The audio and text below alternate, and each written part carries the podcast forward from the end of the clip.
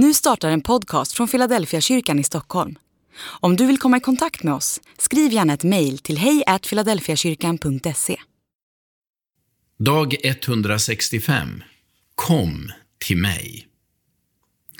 På högtidens sista och största dag ställde sig Jesus och ropade Är någon törstig, så kom till mig och drick. Den som tror på mig, ur hans inre ska flyta strömmar av levande vatten, som skriften säger. Detta sa han om anden som de som trodde på honom skulle få.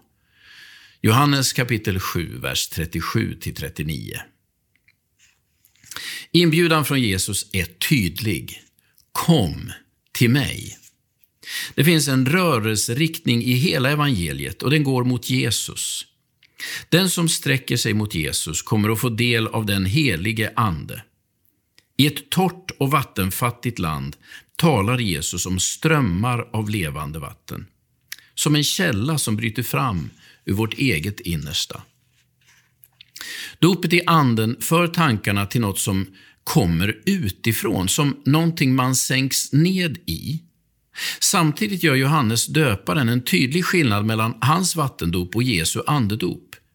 Dopet i Jordan var en tydlig yttre handling man gjorde som hela kroppen var en del av. Dopet i anden framstår som en lika tydlig upplevelse som vattendopet, men på insidan. Liksom hela kroppen sänks i vatten så kommer hela ens inre att genomströmmas av anden.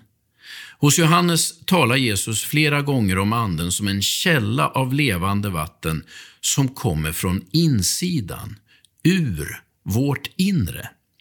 Nyckeln för att förstå hur Jesus döper oss i anden finns i dessa ord. Det börjar alltid inifrån. Det Gud gör med oss kommer ur djupet av vårt innersta.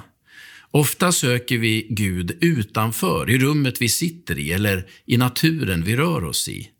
Men Jesus säger att Anden kommer som en ström av levande vatten ur vårt innersta. Andens dop är alltså något som börjar i vårt inre och som steg för steg kommer att beröra hela vår personlighet.